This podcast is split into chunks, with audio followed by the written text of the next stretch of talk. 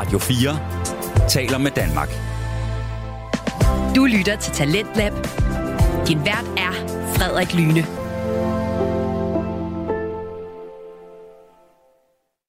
Velkommen tilbage til Team 2 til på Radio 4, programmet som præsenterer til det bedste og mest underholdende fritidspodcast. Vi hørte sidste time interviewpodcasten Økonomi i øjnene med Frederik Bær, som i aftens afsnit handler om kryptovaluta.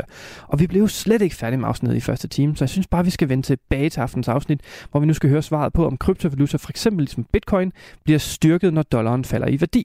Her kommer økonomi i øjenhøjde. Altså, øh, vi har jo set det nu her øh, ved de seneste øh, sådan bankrun i USA at jo flere, der mister tilliden til øh, banker og det eksisterende finanssystem, jo flere investerer i bitcoin.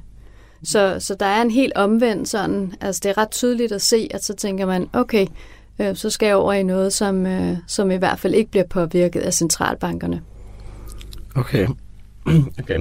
Et, et spørgsmål, jeg har fået en del gange, og som jeg tror, du må have fået endnu flere gange, det er jo det her, om man stadig kan nå at blive rig på kryptovaluta. Hvad plejer du at sige til det? Altså, jeg plejer at sige, at man skal, man skal se på, på krypto, hvis man ser på det med investeringsøjne, så skal man se på det, som man vil kigge på alle andre investeringsobjekter. Altså, er det noget, jeg tror på, har en rolle i fremtiden?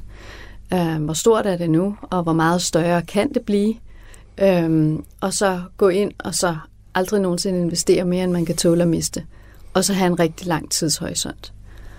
Og så selvfølgelig også vælge et sted, specielt fordi at det er kryptovaluta, men det gælder jo egentlig også for aktier eller andet, vælge en aktør, som man har tillid til. Øh, der gælder ikke andre regler, når man vælger en øh, måde at handle krypto på, som der gælder, hvis du for eksempel vælger et sted, du skal sætte dine penge, altså en bank. Der skal du også have tilliden, og jeg tror, at øh, de færreste af os vil vælge en, øh, en bank øh, i, på Bahamas eller andre steder, bare fordi, at vi så en flot hjemmeside. Ja, men hvordan er selve balancen mellem de forskellige kryptoer? Så fordi bitcoin er jo så den, der er blevet dyrest at skulle købe, og der er sikkert en masse øh, kryptovaluta, man kan få for relativt billige penge. Men hvordan er hele det system lige nu? Altså, er det balanceret, eller vil der stadig gå år og tiger der måske, før vi ligesom ser, at kryptoerne har den værdi, de på en måde repræsenterer, eller som de er værd? Jamen, øh, altså, krypto har jo den værdi, som markedet har lyst til at give for den. Det er det samme med aktier. Der kan jo være virksomheder, som øh, virkelig altså sådan er fantastiske virksomheder, men hvor der bare ikke er nogen aktionærer, der har lyst til at købe det.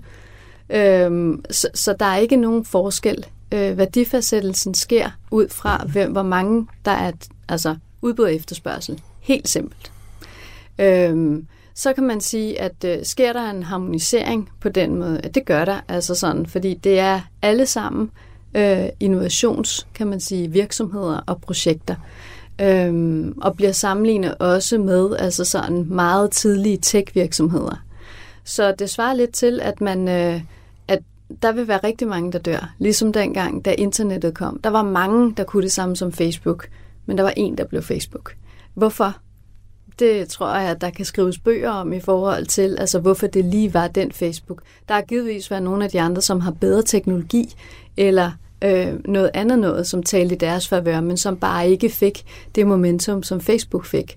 Og det er det samme, man skal tænke på her. Der er nogle af de øh, blockchains, som vi ser.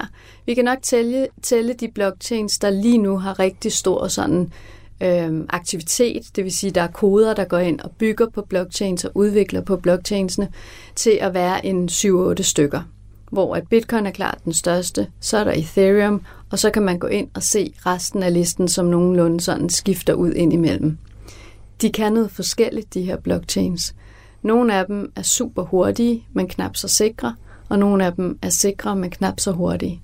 Så jeg tror, vi kommer til at se, at det er systemer, som nogle af dem forsvinder øh, af flere forskellige årsager, og nogle af dem vil så være rigtig gode til nogle ting, og andre vil være gode til noget andet, alt efter hvad, hvad, for noget, hvad man skal bruge det til.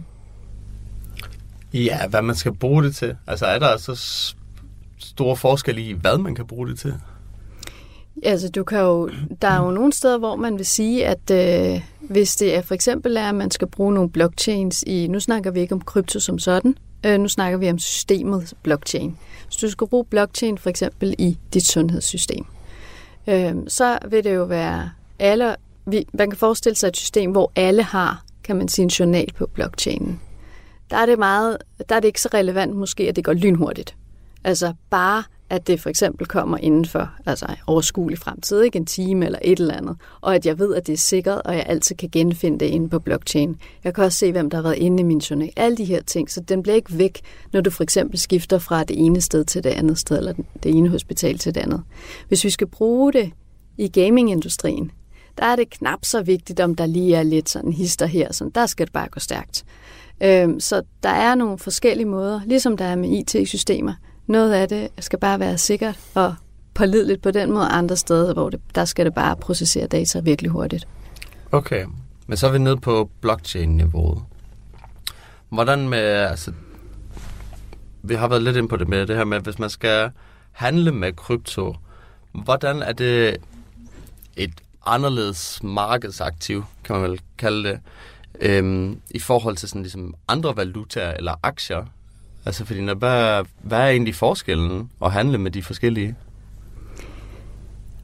Øhm, det er nok svært sådan at svare på helt sådan øh, simpelt, når man stiller det op på den måde, fordi at det handler om, det handler om tillid. Og, øh, og en krypto kan godt være flere forskellige ting på én gang. Og jeg tror, det er det, der kan være svært for os alle sammen nogle gange lige at forstå. Det vil sige, at hvis jeg har en blockchain, det kan være en åben blockchain, og jeg vælger at bygge på en åben blockchain, fordi der er systemet jo færdiglavet. Og jeg laver min krypto. Så kan jeg give den krypto, jeg kan kode den til at have forskellige egenskaber. En krypto behøver ikke at være penge. Det kan være, at øh, alle i Danmark, fordi at vi er danske statsborgere eller har stemmeret, har en krypto, der er en token. Det er vores stemmetoken. Så hver gang der er folketingsvalg, så bruger vi den token til at stemme med. Det vil gøre to ting. Det vil gøre, at vi har ikke fejloptællinger. Vi har også en øh, folkeafstemning i realtidsdata, så vi vil hele tiden kunne følge med, og vi er sikre på, at det er de rigtige, der stemmer. Så det er jo så en måde, men der har jo ikke noget ejerskab over noget som helst. Så er der andre, hvor at man laver et, øh, man bruger krypto til at være en medlemsklub. Øh, det vil sige, at vi har rigtig mange, når vi taler om NFT, og vil være de her øh, Bored Ape Yard Club, som jo er billeder af aber, hvor at jeg tit hører sådan lidt, gud, hvem gider give 500.000 dollars for et billede af en abe, ikke? og det er, når den er billig, ikke? som den er i øjeblikket. Og der svarede jo, at det er en øh, unik, altså krypto, som ja, det er et billede af en abe, men det er ikke det, der er det vigtige. Det, der er det vigtige, det er, at det er unikt, og det giver adgang til nogle helt særlige ting. Og i det her tilfælde, der giver det adgang til et øh, selskab eller en klub af alle de andre 1000 i verden, eller der er faktisk kun 5.545 eller et eller andet, der ejer de her Bored Ape Yacht Clubs.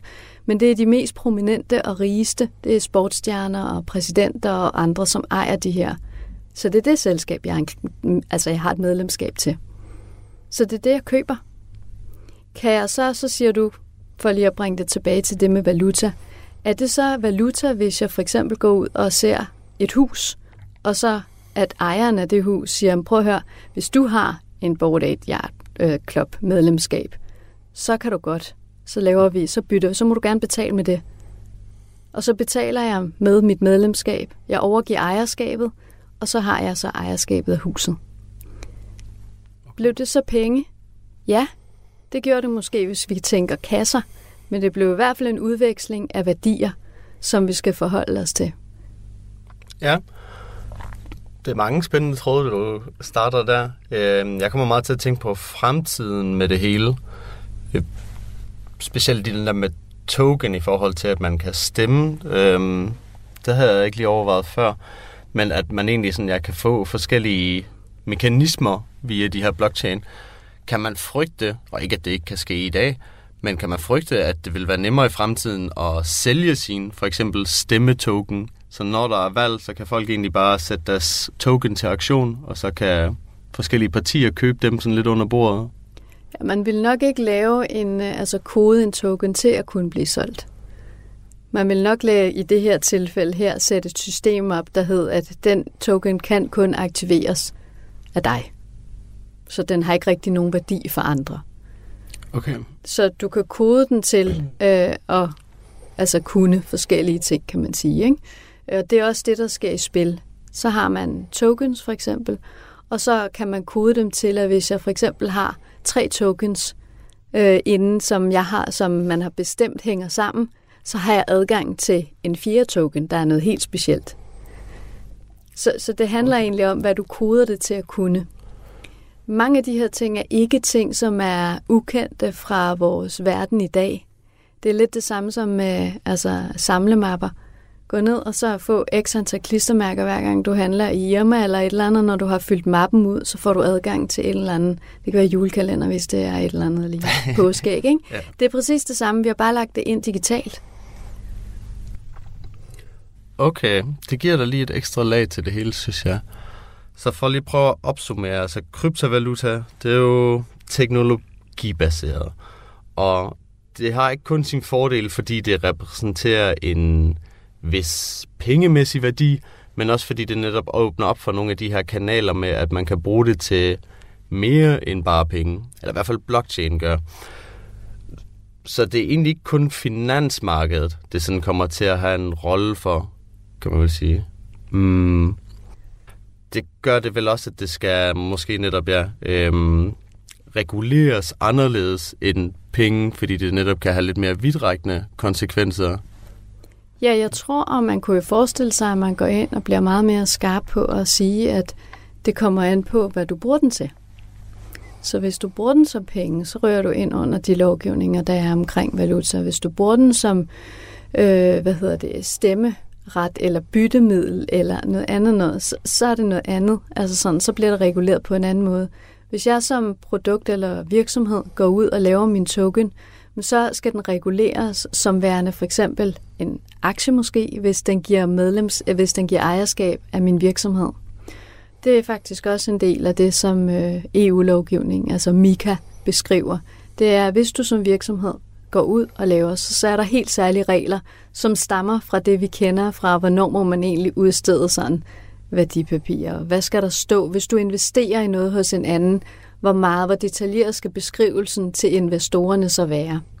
Så Mika har lidt to fordele, eller to ambitioner. Det er at regulere det her med stablecoins, så der ikke er virksomheder, som lige pludselig laver deres egen øh, valuta, apropos. Øhm, og så har det et andet, og det er at beskytte investorerne.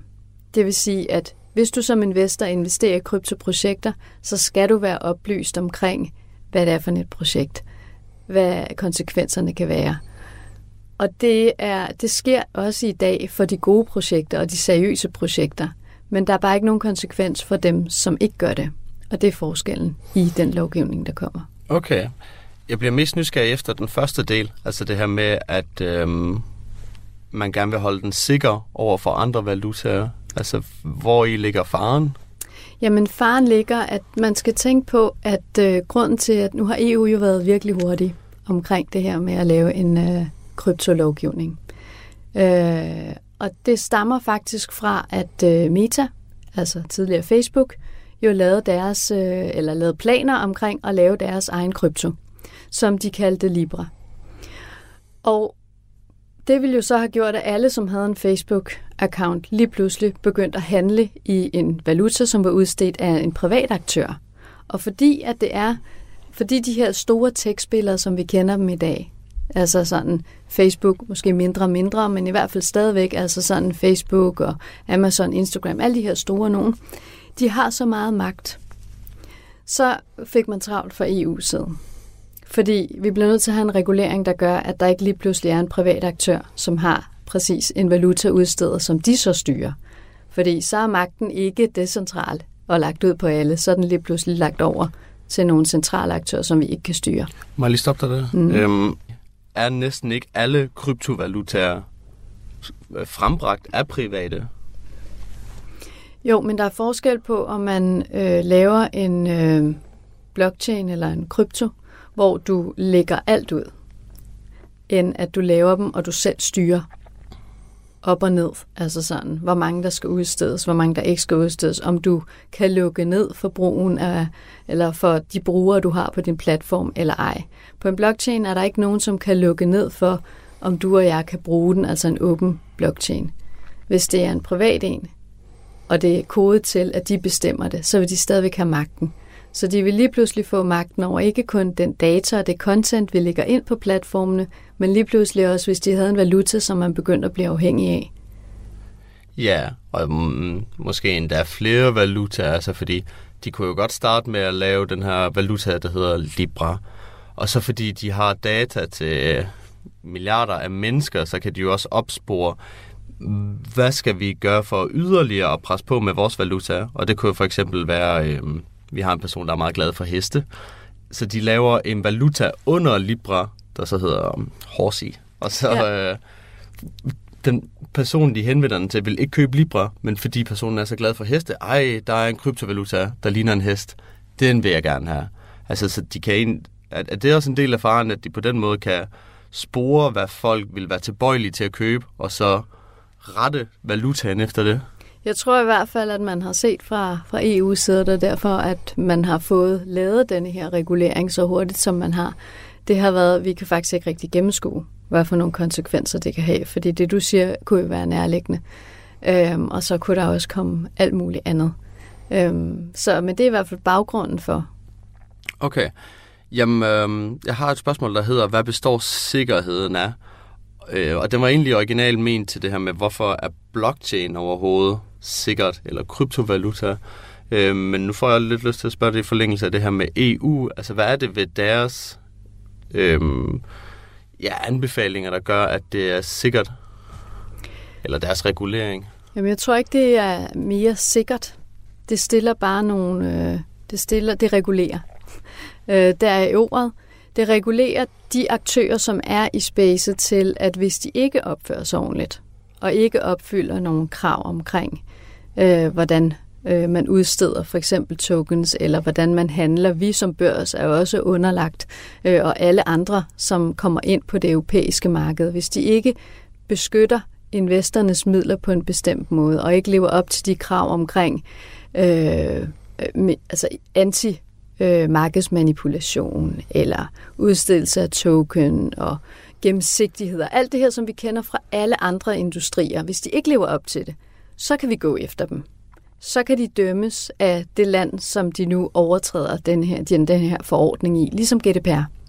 Hvis en virksomhed overtræder GDPR-lovgivningen, så bliver de mødt med et kæmpe øh, bødekrav. Øhm, og det er lidt det samme. Så det er et greb om, at nu kan vi endelig, altså nu kan vi gribe ind hvis folk ikke opfylder reglerne. Det er svært at gribe ind, hvis der ikke er nogen regler, der er defineret. Okay.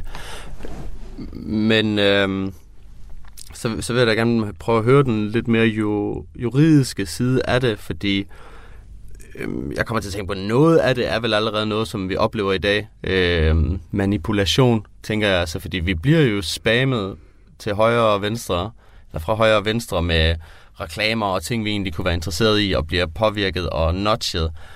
Så det er vel noget, man allerede ser i dag, hvor lovgivningen øh, vel tillader det på en måde. Og jeg kan ikke se, hvordan det skulle være så anderledes ved kryptovaluta. Det er heller ikke anderledes. Altså, og jeg tror, at øh, der skal jo også markedsmanipulation og insiderhandel og i, øh, i almindelige, altså virk, børsnoterede virksomheder. Der ser vi jo sager hele tiden. Vi ser jo også øh, virksomheder i andre industrier, advokatbranchen for eksempel, som lige pludselig blander deres egne selskabets midler med kundernes midler. Så det er ikke fordi, at der ikke sker svindel, bare fordi vi har et regelsæt. Og det, sådan, altså, hvor der er mennesker, så er der svindel. Så det kan ikke siges meget mere enkelt. Men så har vi jo EU og så de nationale lovgivere til ligesom at sige, okay, jamen, vi ved, der sker svindel, men vi skal også have øh, en, et værktøj, der hedder, at hvis der sker svindel, så har vi også en, altså, så kan vi gribe ind over for det. Og det har været sværere før, hvor at, øh, det har været sværere at sige, om du lever ikke op til reglerne, eller skal du agere på det europæiske marked, så skal du ind, og så skal du have en øh, tilladelse til det. Så det vil sige, at man søger om tilladelse som aktør på øh, kryptomarkedet, hvis du skal handle med krypto eller udstede krypto, og så er der allerede nogen der, der ser på, om du opfylder kravene. Og de har så også løbende tilsynspligt bagefter. Det har man ikke i dag. Okay. Så det er en del af sikkerheden. Hvad med sådan ren... Øh, er der nogen sikkerhed for kryptovaluta? Altså hvis, hvis jeg nu skulle øh, købe en hvilken som helst. Altså øh, den eneste fare vil det være, at virksomheden gik konkurs. Indtil da, så vil den kryptovaluta egentlig bare have en vis værdi. Altså, den har jo, som vi, lige, som vi talte om tidligere også, den har den værdi, som man vil betale for det på markedet. Så du kan, hvis du investerer i en krypto, så kan den jo sagtens falde i værdi. Fordi lige pludselig så er der færre, som har lyst til at, at købe den. Eller der sker et eller andet makroøkonomisk også. Øhm, det kan være, altså kryptomarkedet er påvirket på samme måde som andre markeder. Så altså ved udbrydelse af covid, der så vi jo et kæmpe fald på aktiemarkedet. Det så vi også på kryptomarkedet. De fulgte præcis det samme. Og så så vi så også en stor stigning bagefter, fordi der var flere penge i omløb. Så på den måde, så er der ikke nogen forskel der, hvis man kigger på det. Hvis man så dykker ned i de enkelte projekter, så vil man jo så skulle vurdere, jo mindre projekterne er, jo nyere projekterne er, jo større sandsynlighed eller mulighed er der for, at de for eksempel bliver rigtig meget værd på et senere tidspunkt, så man kommer ind tidligt, men der er også virkelig stor sandsynlighed for, at de bare dør eller lukker. Altså koderne bag projektet, de dropper projektet, og så er det, hvad det er. Og hvis det er mere etableret, så er det jo så en anden risikoprofil, man så har, fordi der investerer man i noget, som allerede er i gang og som er udbredt, Bitcoin, Ethereum eller andet. Nu var Bitcoin et dårligt eksempel i det her, men Ethereum for eksempel, øh, eller projekter, som bygger på Ethereum blockchain, også fordi, at det er udbredt allerede. De har allerede en virksomhed, som eksisterer, og man tror på, at den kan blive endnu større. Så investerer du i det. Så er din upside jo mindre, eller potentielt mindre, men de taber også potentielt, altså din risiko for tab er også potentielt mindre. Og det er lidt det samme, som hvis man vælger at kigge på investering i øh, unoterede aktier eller virksomheder. Du kan investere i dem, der stiller sig op på ølkassen og fortæller om en idé. Og hvis det nu var dengang, at øh, Facebook gjorde det første gang, og du tænkte, det der, det vil jeg gerne investere i, så er du nok glad. Men du ved også godt, at øh, han kunne lige så godt, altså 90 procent af dem, som stiller sig op på en ølkasse med en idé, det bliver jo aldrig rigtigt til noget. Også i den fysiske verden. Okay. Tror du, man kan, hvis, hvis ikke allerede man ser det nu, øhm, det ved du jo nok, at om man kan lave det her bundles, som man jo også gør inden for aktier, altså hvor man samler for eksempel 25 forskellige aktier. Gør man også det inden for krypto, hvor man sådan jeg samler flere aktiver, så du kan, det kan godt være, at der er nogen, der falder, men der er andre, der stiger. Er det noget allerede? Ja, det er der nogen, der gør. Øh, altså sådan nogle aktører, som går ind og siger, øh, som hjælper med for eksempel at sige, okay, du vil gerne investere i gaming, krypto, altså gaming tokens. Så her har vi taget de 20 øh, virksomheder, som øh, hvad hedder det, repræsenterer både dem, som er langt fremme i gaming, men også dem, som er de nye kommende, kan man sige. Og så laver man sådan en bundle der, sådan en indeks på en måde, som så følger øh, de forskellige sådan gennemsnittet af det. Det ses mest på globale sådan øh, øh, børser. Så, øh, så, så det findes, og folk gør det jo så også selv. Jeg tror, en ting, der er vigtigt at sige her, det er, at det er en industri, hvor der er ufattelig meget data. Så det vil sige, hvis man først kaster sig ind i det, og tænker, at man gerne vil investere eller interessere sig for det, så kan man faktisk finde data på alt. Og du kan finde meget mere data, end hvis du for eksempel investerer i små fysiske virksomheder. Fordi der bliver du nødt til at stole på, at den virksomhed siger, at de har x antal kunder, eller de har x antal brugere på deres platform. Det er svært at verificere på den måde. Hvis det er et kryptoprojekt, der bygger på en blockchain, så har du adgang til at se, hvor mange wallets er der egentlig blevet lavet på det her projekt. Og hvad, hvad skal det forstås? Det, du kan gå ind og se, hvor mange brugere der er, fordi alt er jo gennemsigtigt. Ah, okay. Så du kan se på blockchain lige præcis, hvor mange brugere der er, hvor mange af dem er aktive, øh, hvor mange af dem øh, hvad hedder det, er måske begyndt at sælge deres tokens eller skille sig af med dem, så du får en bedre indikation af, hvad det er for noget, du investerer i. Okay. Meget interessant. Jeg kommer til at tænke på, hvis... Øhm, nu har vi snakket lidt om, hvad penge og finans egentlig kan gøre over for kryptovaluta. Hvad med modsat? Altså, er der nogle måder, kryptovaluta på, påvirker vores almindelige penge, vores kroner og øre? Eller er der nogen risiko for, at det vil kunne påvirke det i en vis retning? Jeg tror, der er, øh, der er jo en risiko for alle industrierne, hvor der er en mellemmand.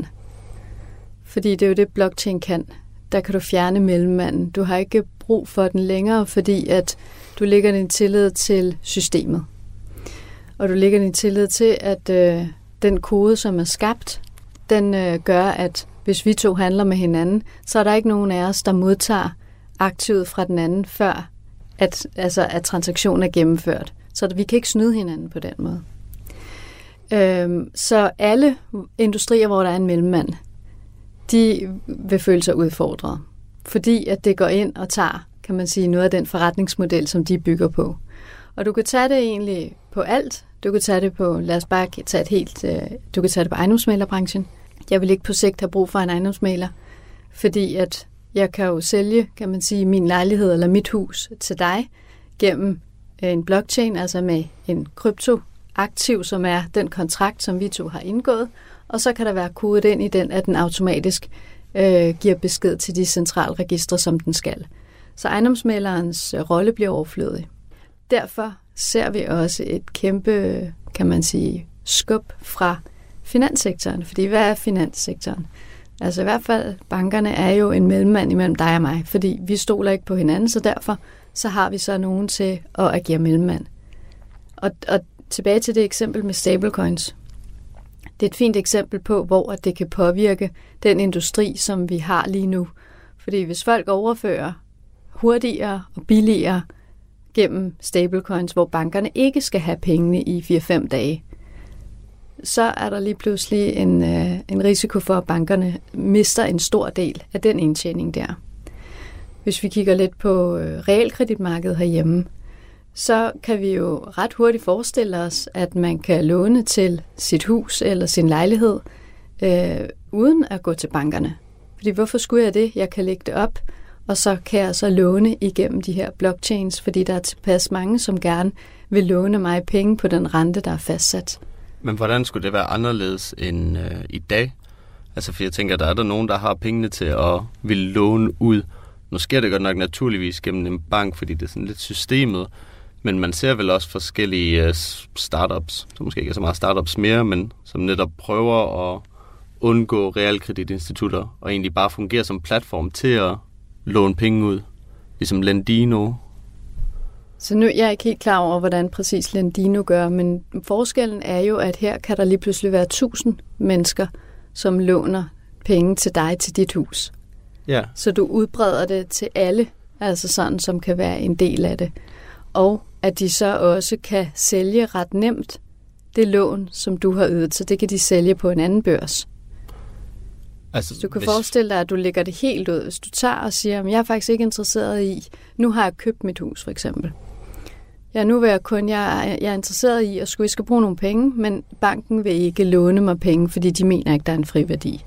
Så kan jeg gå ind, og så kan jeg sige, at jeg vil faktisk gerne lægge halvdelen af mit hus ejerskab ud, og så låne penge til den del af det. Og så kan jeg indfri det efterhånden.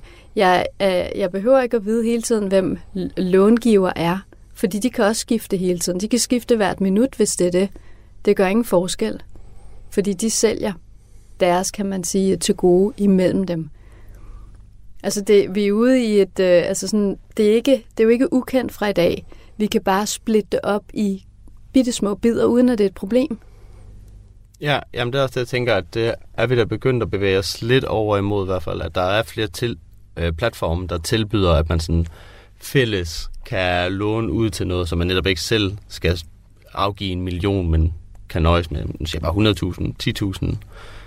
Så det er på vej derover af, og det må banker der vel også frygte lidt. Altså, kommer de til at modkæmpe det her så? Fordi det er jo, der er jo nogen, der kommer efter deres arbejdspladser, eller vil fjerne det, ja, så at sige. Ja, der er i hvert fald... Øh, der er i hvert fald et behov for, at, øh, at de også begynder at tænke i at øh, tænke nyt. Øh, fordi de har jo kørt med den samme model i, i virkelig, virkelig mange år, og vi har jo oplevet kæmpe modstand. Jeg tror, at den største modstand er jo kommet fra finanssektoren, og det er da klart. Det vil jeg da også gøre. Øhm, jeg synes, vi er jo ekstreme i Danmark. Vi har jo øh, i modsætning også bare til både resten af Europa, men også vores nordiske naboer, har vi jo haft, jeg synes det er blevet bedre de seneste seks måneder, men haft en utrolig negativ retorik omkring krypto. Og øh, vi har både fra, altså sådan fra regeringen, fra Nationalbanken og også toppen, har været ude og sige, at vi tror ikke på det. Altså det er bare glasperler. Hvor at man så har kunne læse øh, en artikel på samme dag i de internationale nyheder om, at nu kan du købe krypto i altså 100 tyske banker. Så vi har, vi har virkelig taget sådan et, et standpunkt, hvor at vi har været meget øh, retoriske omkring, negativ omkring krypto.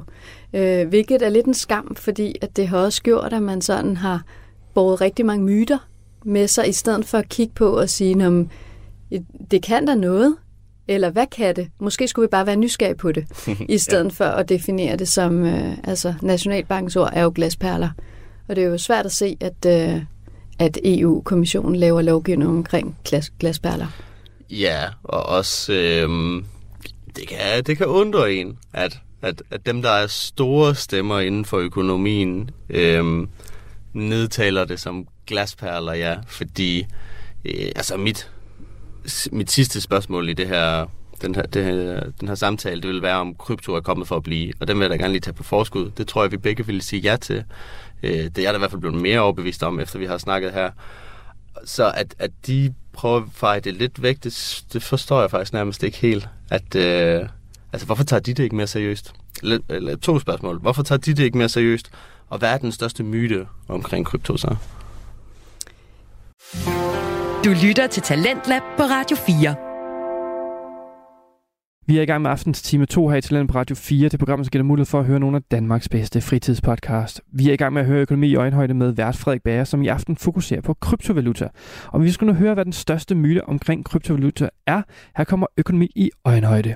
Jamen, måske er det samme svar til begge dele i virkeligheden. Altså, øhm, de tager det ikke med. Jeg tror ikke, det er ikke rigtigt, de ikke tager det seriøst. Men det er det, de siger.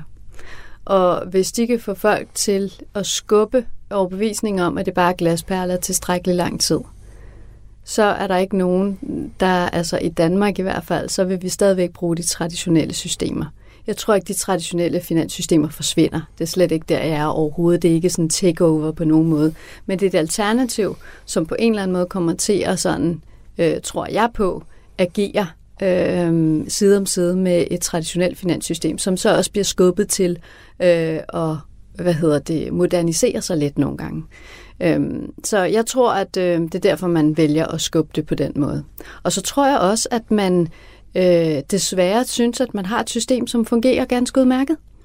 Det finansielle system. Øh, ja, og det synes man måske også.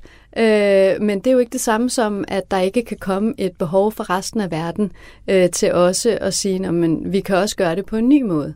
Øh, jeg plejer at bruge eksemplet på, øh, altså sådan øh, med øh, BR Legetøj for eksempel. Jeg er sikker på, at der sad nogen der og tænkte, prøv at høre, det fungerer super godt. Øh, Blockbuster er et andet eksempel. Ikke? De fik tilbudt Netflix og købe Netflix ret tidligt og sagde, ja. vi tror ikke på, fordi det fungerer rigtig godt, det vi har. Og det gør det da også, lige indtil der kommer noget, som kan noget andet, og noget, som brugerne hellere vil have. Så det tror jeg er en ting, og jeg tror også netop, at det er den største myte i Danmark. Det her med, at det er bare glasperler. Øhm, og så kan man sige, jamen, så er det åbenbart øh, en meget form for avanceret glasperle, som resten af verden synes er en innovativ teknologi. Jeg får sådan lidt et billede af, fordi okay, glasperler. Det må jo så være, fordi man ikke mener, at det har noget hold i sig. Altså, at det har en, øhm, øh, en substantiel nok årsag til, at det skulle blive, at det kan noget. Og man kan da godt spørge, hvorfor skulle vi bruge en ny slags kryptovaluta, eller bare en ny valuta, når vi nu har vores egen velkendte valuta. Og den går jo fint, og det system, det, det går jo okay. Øh, det kender vi jo til, og det, vi ved, der er nogle mekanismer i det, der lige gør, at der måske er kriser engang imellem, men det kan man nok ikke undgå med nogen valutaer. Men hvis man hvis man spreder det her ud, altså lad os sige, at der er noget om snakken, det er glasperler. Hvad vil det betyde for det finansielle system, at mange penge, fordi der må vel være gået mange penge fra, øh, nu kalder jeg det bare det originale valutasystem, over i krypto. Altså man har vel, man har vel fjernet en stor mængde penge fra systemet, for at det kunne omsættes til krypto. Er det rigtigt nok? Mm, jamen, jeg ved ikke, om det, det er jo ikke forsvundet. Altså, det kommer mm. jo tilbage igen. Ja, men det gør det vel kun, hvis man sådan sælger eller fjerner kryptovalutaen. Ja, eller du skal så bruge dem, kan man sige, et sted, hvor de ikke tager krypto. Så veksler du jo tilbage, og så går du ud og, og bruger, kan man sige, den danske krone eller euroen øh, i de butikker, så hvor du ikke kan betale med krypto. Så øh, på nuværende tidspunkt, altså så er der ikke sådan, det, der er det, der tror jeg mere, det er en forestilling om, at, at hvad hedder det, at kan vi forestille os et samfund, hvor der er en hel masse forskellige måder at betale på. Og det gør ikke så meget, fordi at det hele er alligevel gemt øh, datamæssigt. Så hvis vi har nogle problemer, så kan vi altid genfinde de transaktioner. Men hvis vi ikke havde den mulighed, hvor det var gemt, så kan jeg godt forstå, at, folk, at man ville synes, åh, oh, oh, det her, det er, hvis vi ikke kan styre det overhovedet, så bliver det noget værre noget. Men det er jo det system, vi kommer fra. Vi kommer jo oprindeligt fra et system med øh, kontanter. Og der er noget, der er svært at spore, når det veksler her. Altså sådan, så er det jo kontanter. Øhm, og nu er vi gået over i et digitalt, og så nu går vi over i et endnu mere digitalt. Hmm. Så, så det er lidt, øh, jeg synes mere, at det er et spørgsmål om, at oh, vi er ikke klar til den her endnu mere digitale verden. Lad os holde den lidt tilbage og fortælle alle de dårlige ting om det, sådan så at vi på et tidspunkt kan blive klar til også at være med. Og det er det, vi ser rundt omkring i, i verden jo med, at banker går ind. Øh, og vi oplever det også øh, meget stille efterhånden, efter, altså i Danmark, efter at EU, øh, hvad hedder det, forordningen er blevet vedtaget. Så begynder vi, som fra den børs, jeg kommer fra, Firi, at få henvendelser fra banker, som siger, hov, øh, I har jo arbejdet med det her i, i seks år, som vi mangler nok lidt viden på det her område. Okay. Og det, øh, det, skal vi også, det har vi heldigvis så tid til at snakke lidt om. Øh, men jeg vil lige for min egen skyld gerne prøve at have afklaret den her med, fordi der er jo en vis mængde penge i verden. Og centralbanker, de kan skabe kontanterne, private banker kan skabe de digitale penge, og så private og staten kan jo så egentlig skabe kryptovaluta, hvis de vil. Men det var for os få afklaret, altså efter bitcoin og alt det andet kryptovaluta, er der kommet flere penge i verden på grund af det? Øhm, fordi jeg ser det lidt som det modsatte, på den måde, at man har jo investeret penge, gode gamle penge, i kryptovaluta. Og på den måde er de jo vel taget ud af en del af systemet for at stå som sikkerhed for den nye kryptovaluta. Er, er det rigtigt, eller fortsætter de bare med at være i systemet på i andres hænder? Nogle af dem øh, kan jo stå, som du siger, i det nye system, i stedet for at stå i det traditionelle system. Øh, nogle blockchains har også indbygget, at der bliver færre og færre af den krypto, som der er. Det vil sige, at hver gang du overfører, så bliver der brændt nogen. Så der kan, også, der kan også være indbygget i blockchain, at der forsvinder nogen. Så det er ikke kun, at der kommer flere. Det kan lige så godt være, at der også bliver færre af det. Øhm, så men hvis du ser sådan helt generelt, altså så kan man måske godt komme ud i der, hvor at man siger, når man, så vil der være øh, rigtig mange slags valutaer. Øh, men det vil være det samme som at sige, at der er jo også rigtig mange forskellige slags øh, sten. Ja. nogle af dem er ikke noget værd, og nogle af dem bliver ved med at være noget værd. Ja, og de er jo noget værd igen, ligesom med penge, fordi vi har tillid ja. til, at det har noget værdi. Okay. Okay. Jeg har en lille øh, historie, jeg gerne bruger på Nationalmuseet, når vi øh, kommer hen til... Vi har en fysisk bitcoin fra Lars Seier, som han har lånt til os. Og der prøver, der bruger jeg den her historie for at øh, vise, hvad, det her med netop, hvordan fungerer værdi af kryptovaluta. Og det er historien om øh, Elon Musk, som jo nogle gange er verdens rigeste mand. Og han investerede jo helt vildt på et tidspunkt i en kryptovaluta, valuta, der hed Dogecoin, eller Shiba Coin. Og det fik jo værdien af den kryptovaluta til at stige helt vildt. Også fordi det var på et tidspunkt, hvor kryptovaluta var lidt mindre etableret, så det der med, hvilket bliver den store kryptovaluta, det var svært at sige.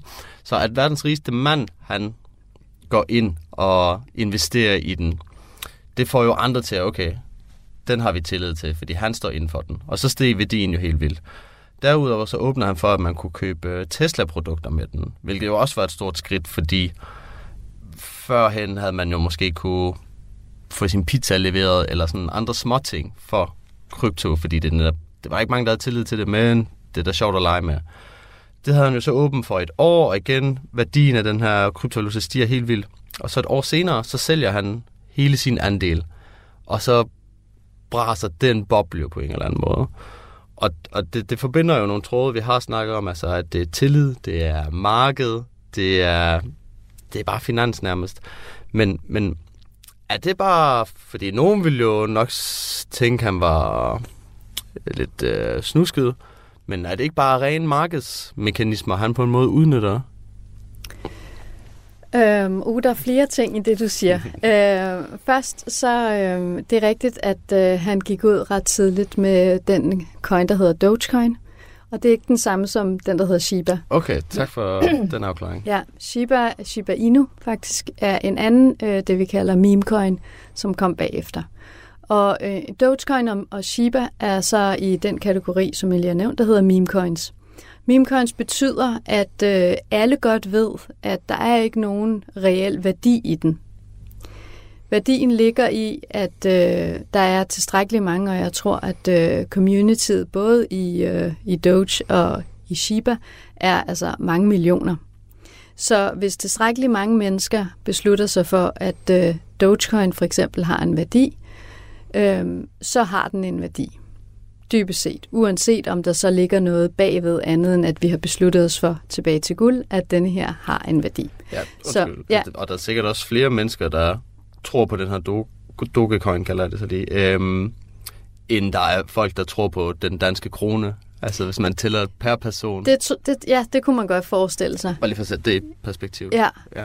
ja. Øhm, og så, øhm, så, så er det rigtigt, at øh, altså faktisk er joken jo lidt, og det er jo derfor, det hedder en memecoin, at dengang bitcoin blev skabt, så var der en anden, altså en mand, der tænkte, ved du hvad, det, er, det bliver sgu lidt for elitært. Nu laver vi Dogecoin, som virkelig skal være folkets mønt. Så der er noget historik omkring det her også. Og, og ja, så gik han ind, og så øh, kom han med denne her, altså sådan en udtalelse omkring, han købte en masse, og så en udtalelse om, at man så kunne købe Tesla-produkter.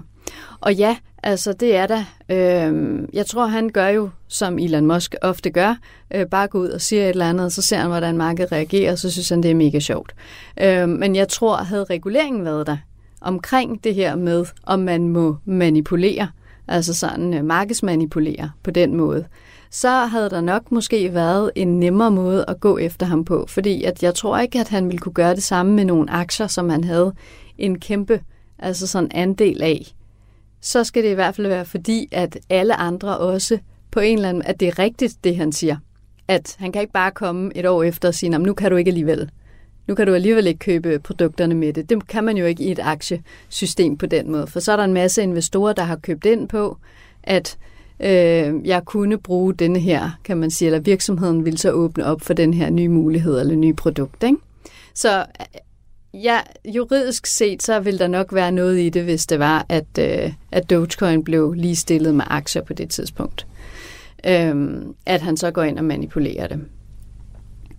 Det, der jo så er lidt sjovt med det her, det er, at øh, ja, prisen faldt på Dogecoin, men det samme netværk er der jo, og den er ikke faldet så meget. Altså, den er jo kommet op igen, og det her netværk er et meget stærkt netværk, så de holder på deres, og det er også det er stadigvæk øh, den største memecoin, der findes. Um, og det er højst sandsynligt også en af dem, som kommer til at stige næste gang, vi går ind i et bullmarked. Som betyder? Et bullmarked er ligesom på aktiemarkedet, hvor at så stiger priserne. Altså sådan, så er der lige pludselig optur på øh, kryptomarkedet, som der kan være optur på et aktiemarked. Kontra det marked, vi har været i nu, øh, specielt siden, øh, siden krigen i Ukraine, øh, udbrud, det vil sige et bærmarked, hvor at, at priserne går nedad. Men det sjove, synes jeg lidt, det er, at hvis man lige stiller de her meme coins tilbage til det her med, at bliver det bare ved med at være noget, der ikke er værdi i. Hvis man så tager Shiba coins, som startede også som ren og skær meme coins, fandt så ud af, at hov, vi er faktisk et rigtig stærkt netværk af rigtig dygtige udviklere med ejerskab til det her netværk og projekt over hele verden. Så hvorfor bygger vi ikke noget? Så de har jo bygget noget, der har reel substans, og åbner også det, der hedder et øh, metavers, Shibarium, her om ikke så længe, som er en virtuel verden, hvor du så også kan bruge din, øh, din Shiba coin indeni. Så de er så gået fra at være en total meme coin, der ikke kunne noget, til rent faktisk at være et, um, et virtuelt univers. Lidt ligesom det øh, Facebook gerne vil bygge, eller Meta gerne vil bygge. Den, jeg synes, det er en sjov ting, det her med, øh, om det kan noget, fordi okay, det startede som en meme coin, øhm, men det er vel ikke meget anderledes, end at jeg på et tidspunkt har en sten, og så bliver vi enige om, at det er vores valuta. Og så kan vi to handle med den, og så får vi flere folk ind i vores fællesskab, og lige pludselig er det tusindvis, at du kan handle med den her sten. Og vi har faktisk også nogle lignende sten, der gør, at vi kan bytte frem og tilbage. Det er vel også bare et spørgsmål om, hvad man tillader, tillader at åbne for, fordi netop med Shiba-coin, okay, så har man nogen, der kan programmere, og så... Det er jo ikke, fordi den får nye kvaliteter. Altså, jeg tænker, at den fungerer vel bare stadig som et øh, udviklingsmedium. Og så åbner man bare flere, øh, lad os sige, butikker. Det er jo så i den digitale verden, men man åbner egentlig flere butikker eller forum, der platform, hvor man kan bruge det. Det er vel det, der sådan udvider dens øh, usability. Altså, ja, og værdi. Og værdi? Ja. Okay. Så hvis der er en... Øh, man kan godt forestille sig, og det er måske derfor bitcoin er så populær, altså fordi jo flere steder den kan bruges, og i flere sammenhænge, jo større værdi. Lidt ligesom med penge nu her, fordi øhm, et andet eksempel fra Nationalmuseet, der vi, vi havde også noget, der hed, øh, vi har jo Dankort i dag, men vi havde også noget, der hed Danmønt i 90'erne. Mm. Og det var fungerede jo ligesom kreditkort, udover at du kunne kun bruge det til sådan noget som telefon og busser. Så meget småpraktiske. Ja. Øh, og hensigten var, at man gerne ville have stive mennesker, at de havde en mulighed for at komme hjem om natten. Så derfor kunne du ikke bruge den på alkohol, for eksempel.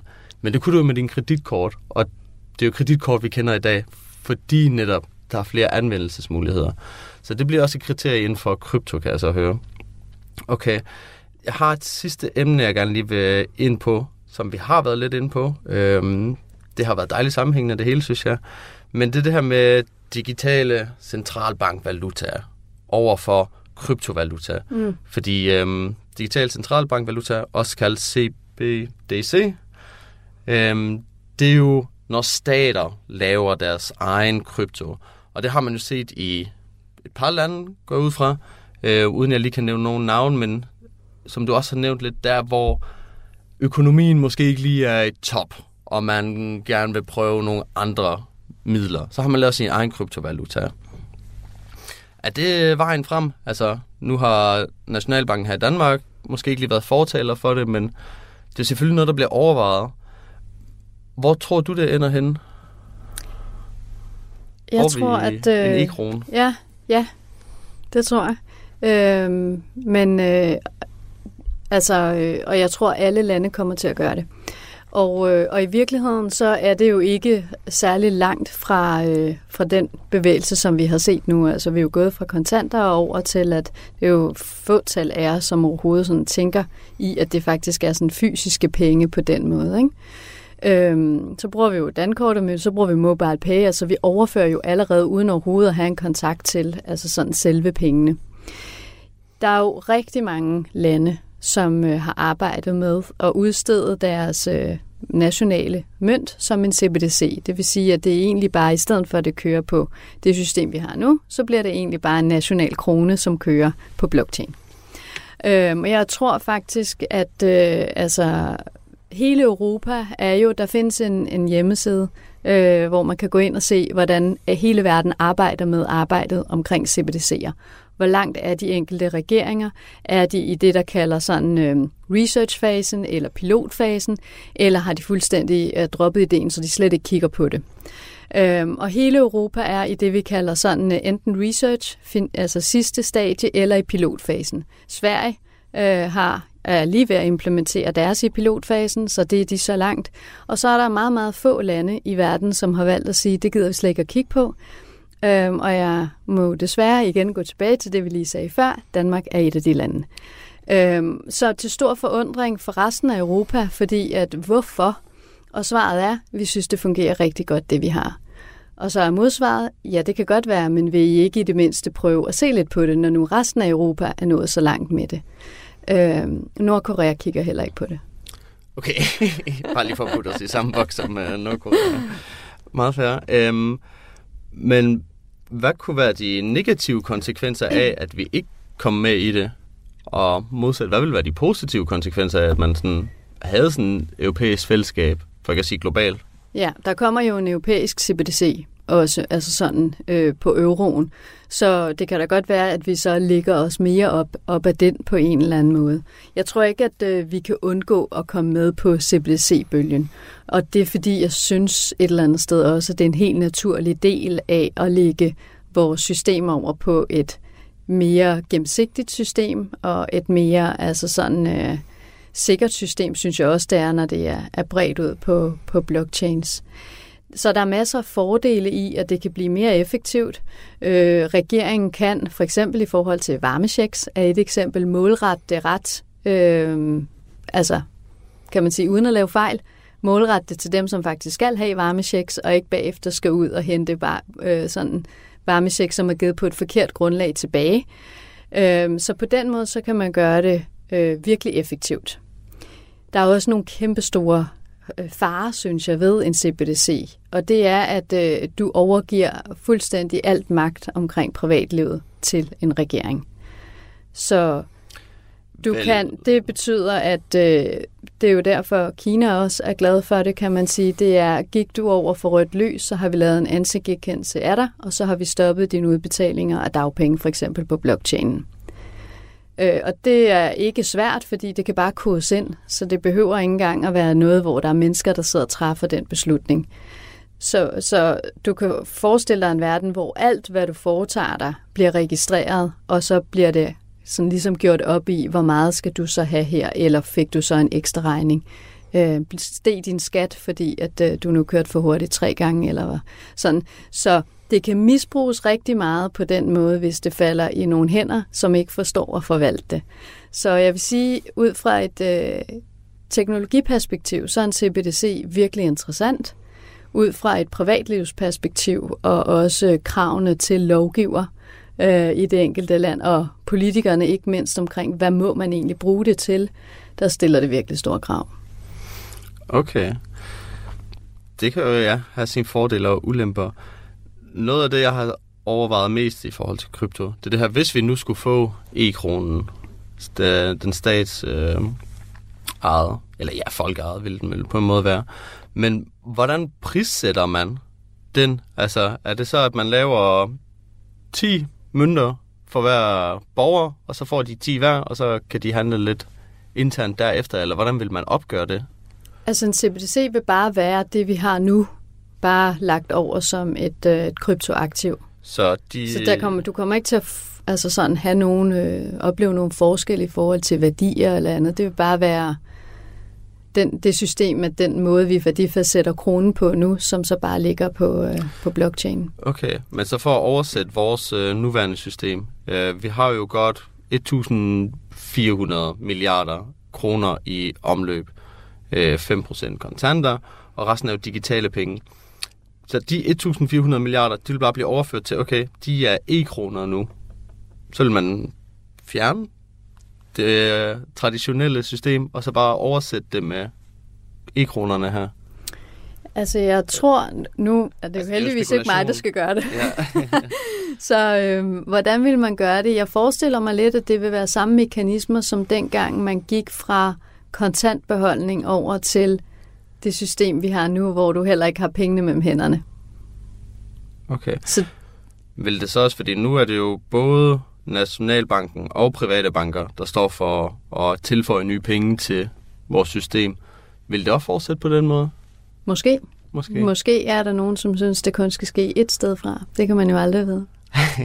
Okay, det kan man spekulere over. Du lytter til Talentlab på Radio 4. Du lytter til Talent på Radio 4, og vi er simpelthen ved at være ved enden på aftens program. Vi har lige netop hørt afslutningen på fritidspodcasten Økonomi i øjenhøjde med vært Frederik Bager. Og udover økonomi i øjenhøjde, så hørte vi også fra øh, Autisme med hjertet med vært Stine Bøsted. Du kan finde flere afsnit fra begge fritidspodcasts ind på din foretrukne podcasttjeneste, og alle Radio 4's programmer kan du finde ind på vores hjemmeside og i vores app. Nu er det tid til nattevagten her på kanalen. Mit navn er Frederik Lyne. Tak for denne gang. Vi høres ved. Du har lyttet til en podcast fra Radio 4. Find flere episoder i vores app, eller der, hvor du lytter til podcast. Radio 4 taler med Danmark.